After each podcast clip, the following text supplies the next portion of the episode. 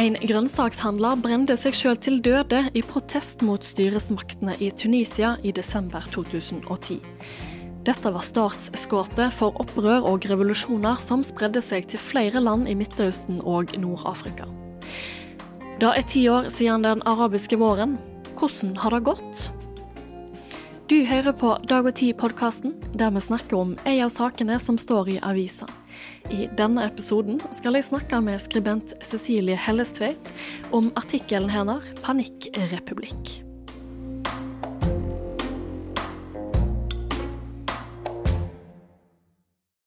Velkommen, Cecilie Hellestveit. Tusen takk. Du er statsviter og jurist med doktorgrad om borgerkrig og folkerett, og fast skribent i Dag og Tid.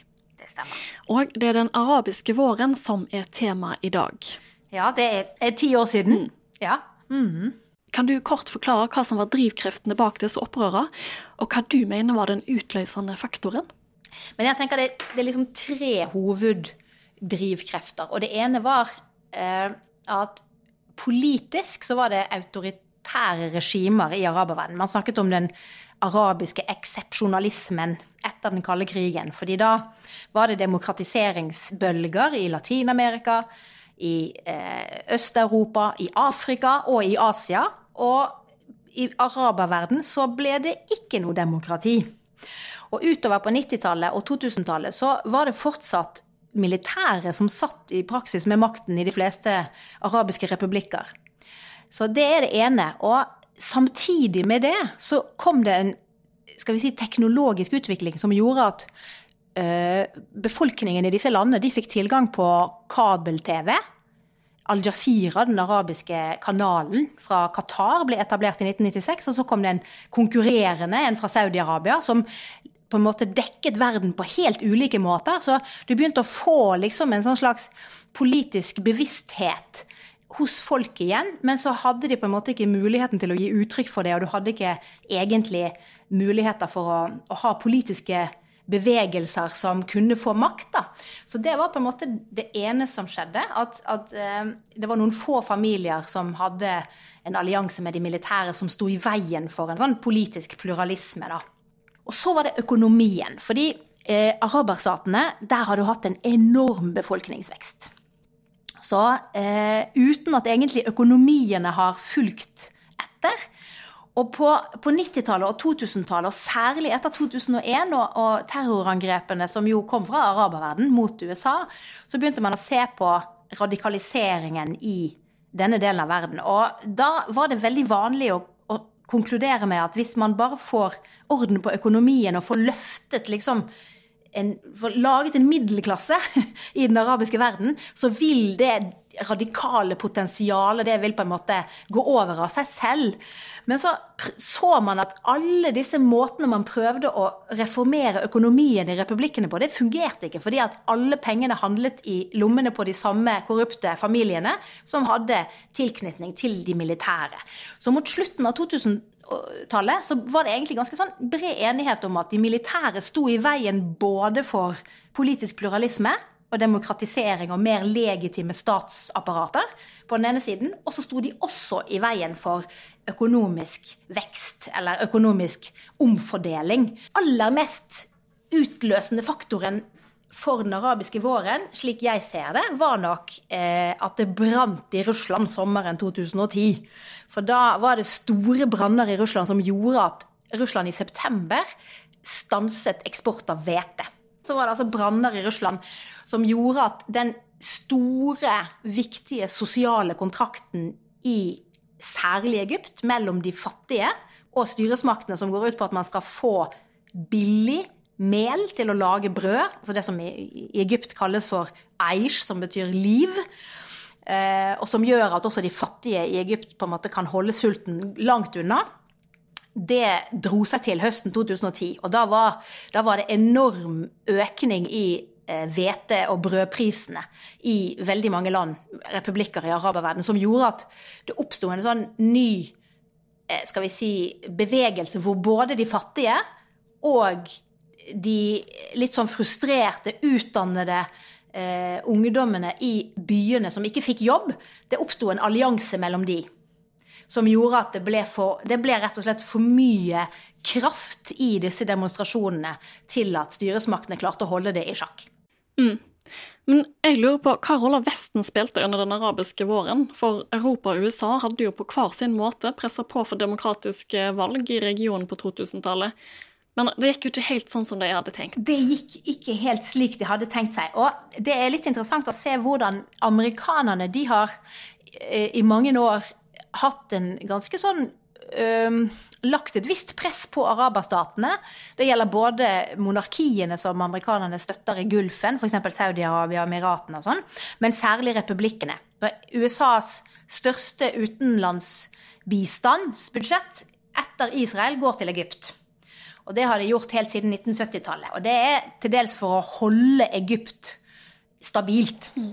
Er det mer viktig enn at det skal utvikle seg et demokratisk system? Ja, det tenkte man jo lenge. Men etter etter 2001 så endret jo den tankegangen seg, fordi man, man innså at den autoritære strukturen gjorde jo to ting. Den bidro til å radikalisere en del grupper, så det ønsket man å, å fjerne, det radikaliseringspotensialet.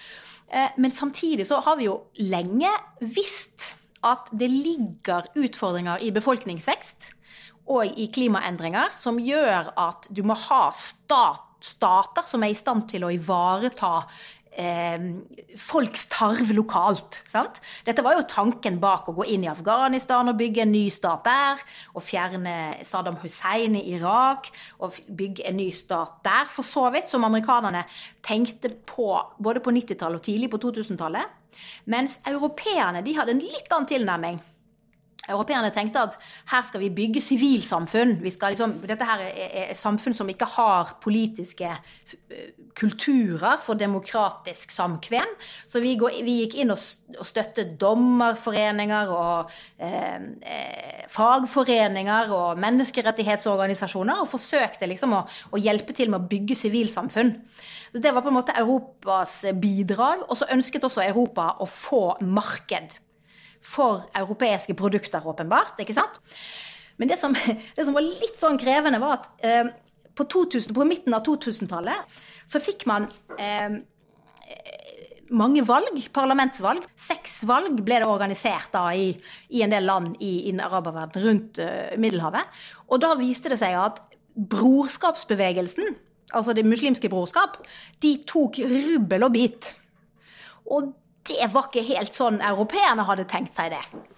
Jeg var, jeg var eh, observatør, valgobservatør for EU i 2006, da palestinerne skulle velge eh, ny, altså, ny president og eh, nytt styre. Og, og, så sa Europa, altså i, i, kraft av EU, at ja, men da skal vi organisere valg. Vi skal sørge for at det blir valgt en legitim regjering hos palestinerne. Og så ble det organisert et, et valg, til dels eh, finansiert av EU, eh, og da vant Hamas. Og jeg var til stede faktisk da representantene fra EU-kommisjonen fikk eh, resultatene fra dette valget, og det skal jeg love deg, det var ikke helt det de hadde sett for seg. Så da tok Europa tre steg tilbake og begynte å tenke. For det var jo ikke helt dette de hadde sett for seg. Så, så, den støtten til demokratiseringen i den arabiske verden, den fikk seg et ganske sånn durabelt skudd for baugen på midten av 2000-tallet. Ja, vi skal fokusere på Egypt nå, fordi etter opprørene i 2011 så ble Mohammed Morsi den første demokratisk valgte presidenten i Egypt.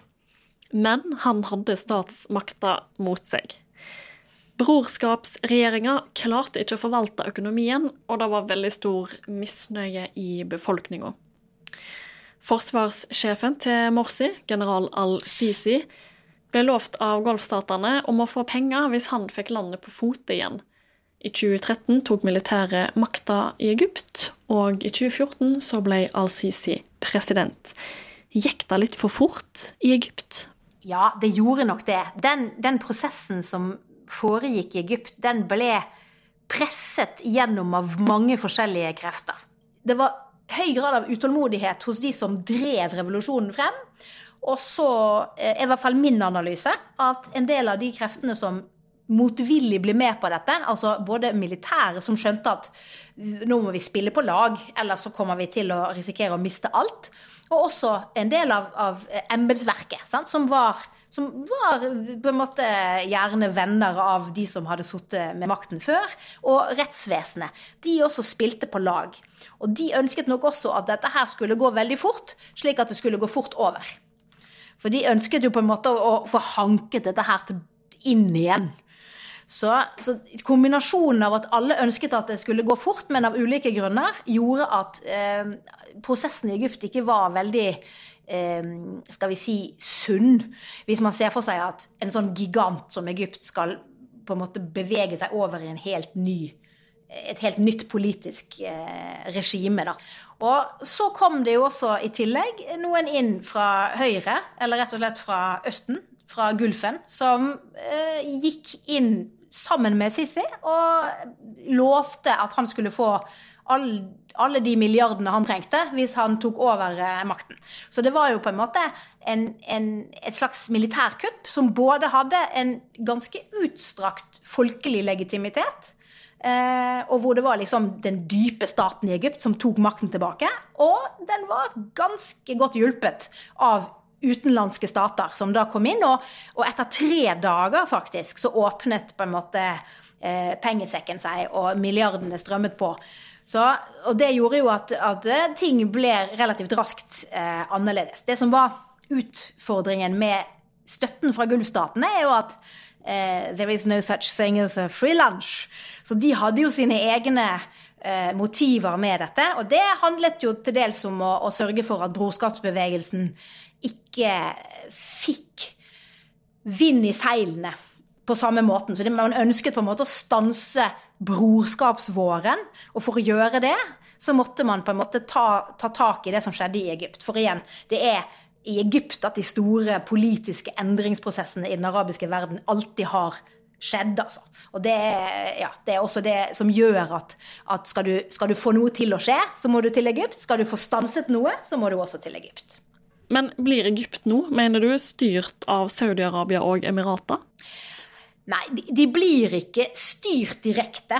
Men det er klart eh, Frem til den arabiske våren så var det først og fremst amerikanerne som var den store økonomiske støttespilleren til de militære eller styresmaktene i Egypt. Og der, Amerikanerne de har jo en sånn litt sånn eh, schizofren tilnærming noen ganger til sånne autoritære regimer. På den ene siden så sier de at vi vil, ha, vil at dere skal opprettholde stabilitet og, og ivareta USAs interesser, men samtidig så vil vi at dere skal eh, ikke undertrykke religiøse minoriteter, dere skal ikke undertrykke kvinner osv., og, så videre, og dere må ha på en måte en, en viss grad av eh, altså, Visse former for undertrykkelse av politisk opposisjon er helt uakseptabelt tross alt.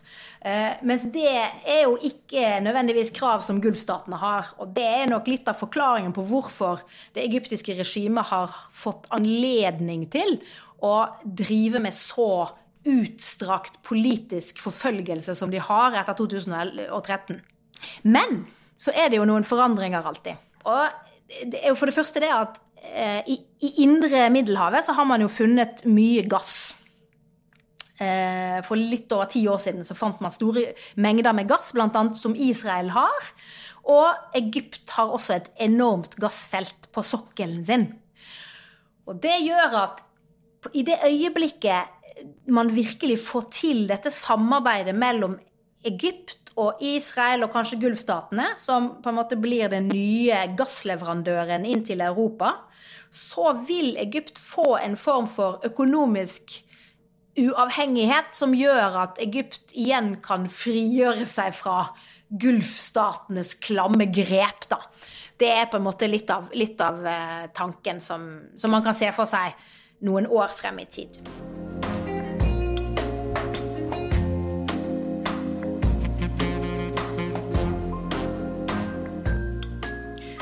Du skriver at Europa holder seg for nesen. Og det er mye som ikke lukter så godt i Egypt nå. Al-Sisi han fikk 97% av stemmene i valget etter militærkuppet i 2013. Han har ei terrorismeliste som har blitt brukt til å redusere rørslefridommen til journalister, akademikere og aktivister. Human Rights Watch de regner med at tallet på politiske fanger de siste åra har ligget på 60 000. Så folk er enige i at eh, den politiske undertrykkinga under al-Sisi-veldet er mye verre enn den under Mubarak. Likevel så blir al-Sisi framstilt som en helt i Frankrike og kurtisert i Europa. Og resten av Vesten gjør etter alt å dømme ingenting med situasjonen. Hvorfor er vestlige styresmakter stille nå? Nei, det er jo altså eh, Nabolandene til Egypt. Hvis du ser den ene veien, så har du Libya. Og ser du mot sør, så har du Sudan. Og eh, ser du østover, så har du for så vidt Levanten med Syria og Irak, og, og, og sørover så har du Jemen. Så det er klart eh, Både for Europa og for USA så er det ekstremt viktig å holde Egypt stabilt. Nesten uansett pris. Eh, og det gir jo på en måte styresmakten i Egypt veldig stor frihet. Um, og det har, det har, mange årsaker, egentlig. Egypt er et stort land, de har 100 millioner, men de har også den største stående hæren både i Afrika, med en halv million soldater. Så det å se for seg at du skulle få en slags utvikling i Egypt som f.eks. lignet på den man hadde, la oss si Eh, det, det, egentlig ikke altså, La oss si en, en slags um, urolig situasjon som kunne li, ligne på en borgerkrig. Det ville vært ekstremt farlig for egentlig hele eh, regionen, for Midtøsten og for Nord-Afrika og, og, og, for Europa, ikke minst. Uh, men, men, samtidig da, så er jeg ganske opptatt av hvordan Europa står i dette. Sant? Fordi Europa har jo vært med på å, å legge til, til rette for sivilsamfunnet og på en måte bygge opp en del av de strukturene som, som tok over i 2011. Og når ting begynte å bli vanskelig i 2013, eh, like etter at Sissi tok over i dette militærkuppet, så hadde du en, en massakre som heter Rabat-massakren i august 2013. Som var altså den største massakren på ubevæpnede demonstranter siden den kinesiske fredsplass i, i 1989. Ikke sant? Og, og, og, den fikk på en måte gå sin gang uten at verden protesterte. Og uten at særlig Europa protesterte. Og det, Da blir jo også spørsmålet på en måte hvem skal Europa være her? I, vi er jo naboene til den arabiske verden, som på en måte nå strever kolossalt eh, med å finne veien fremover. Og, og det er jo liksom det som er utfordringen. Hvem, hvem skal vi være når vi har i mange mange år argumentert for at man skal ha menneskerettigheter som skal gjelde for alle, og plutselig så er det sånn nei, nei, nei, men menneskerettighetene gjelder bare på nordsiden av av Middelhavet. ikke sant? Da er det klart at er du en middelklassefamilie som er politisk aktiv, så vet du hvor du skal dra. Da skal du i hvert fall ikke være på sørsiden av Middelhavet. Og da, da setter du i gang sånne mekanismer som gjør at flere og flere og flere ønsker å dra nordover.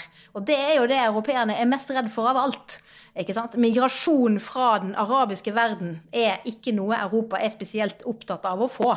Så det er noen sånne, er noen sånne strukturelle utviklingstrekk her som er veldig vanskelig å ta tak i, rett og slett. Og så har du det situasjonen at Europa i 2013 og 2014 og 2015 var ikke klar for å være en slags eh, et samlet Europa i møte med araberverden eller Nord-Afrika. Fordi mange ulike europeiske land har alltid hatt veldig ulik politikk overfor Algerie eller overfor Egypt eller overfor Syria.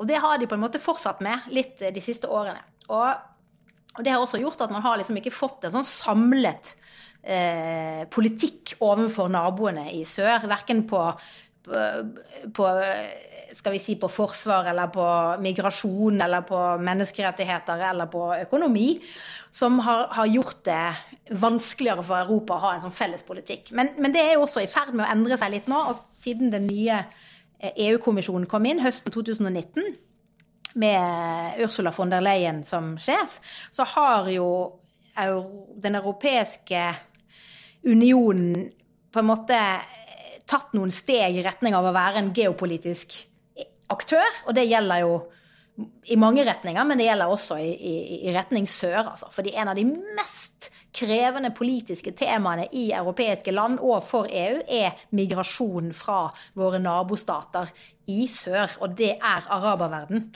Rett og slett. Punktum finale. Og det kommer aldri til å endre seg.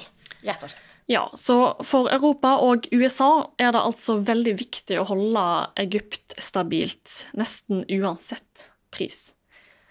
Og så kan vi håpe på at Europa kan stå mer samla mot felles utfordringer de neste åra. Men vi må litt tilbake til Egypt, for jeg lurer på hvordan Al-Sisi blir oppfatta av egypterne? Det er jo veldig todelt. Eh, ikke sant? Mange mener jo at han tok livet av den arabiske våren og har gjort alt for på en måte å, å bevare de gamle maktstrukturene.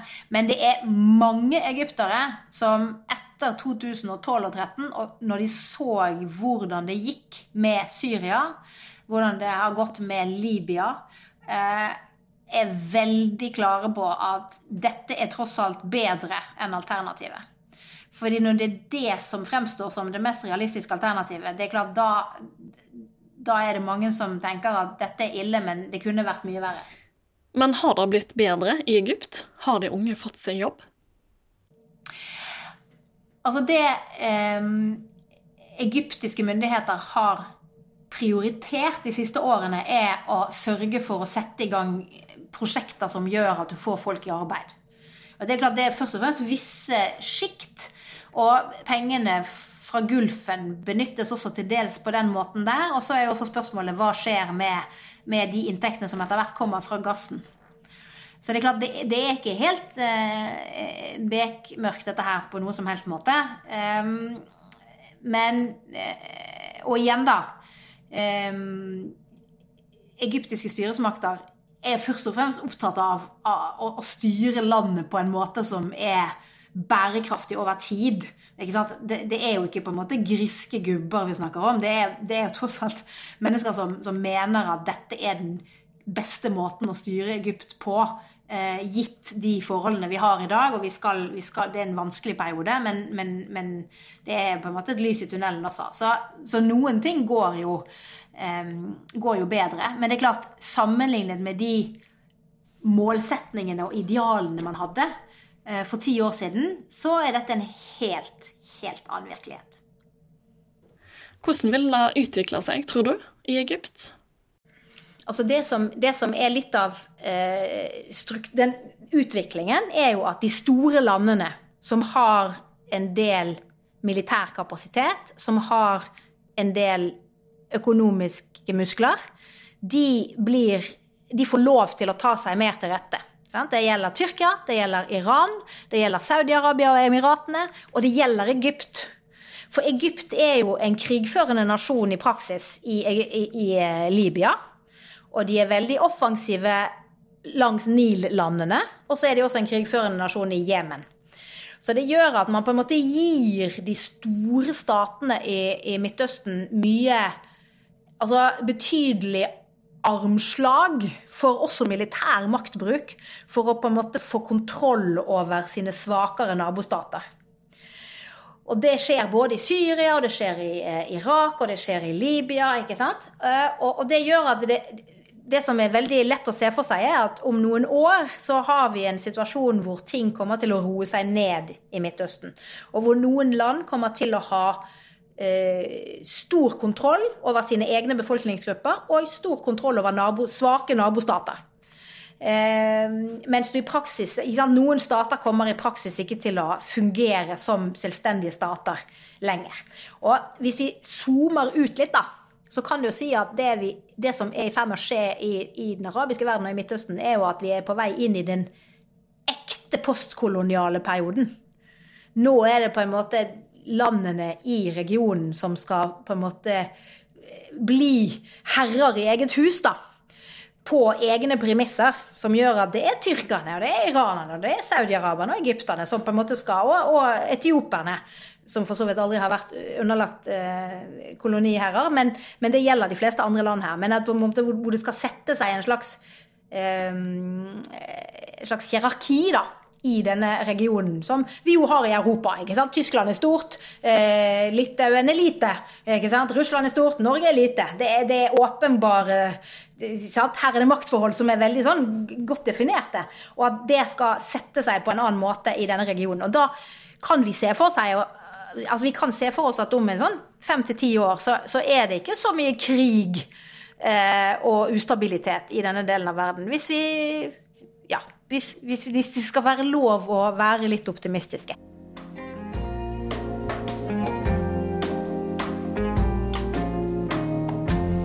Du lytter til Dag og Tid-podkasten. I studio i dag var jeg, Sofie Mai Rånes. Har du tilbakemeldinger på podkasten vår? Skriv en e-post til sofie1dagogti.no. Vi er tilbake neste uke. Takk for at du lytta.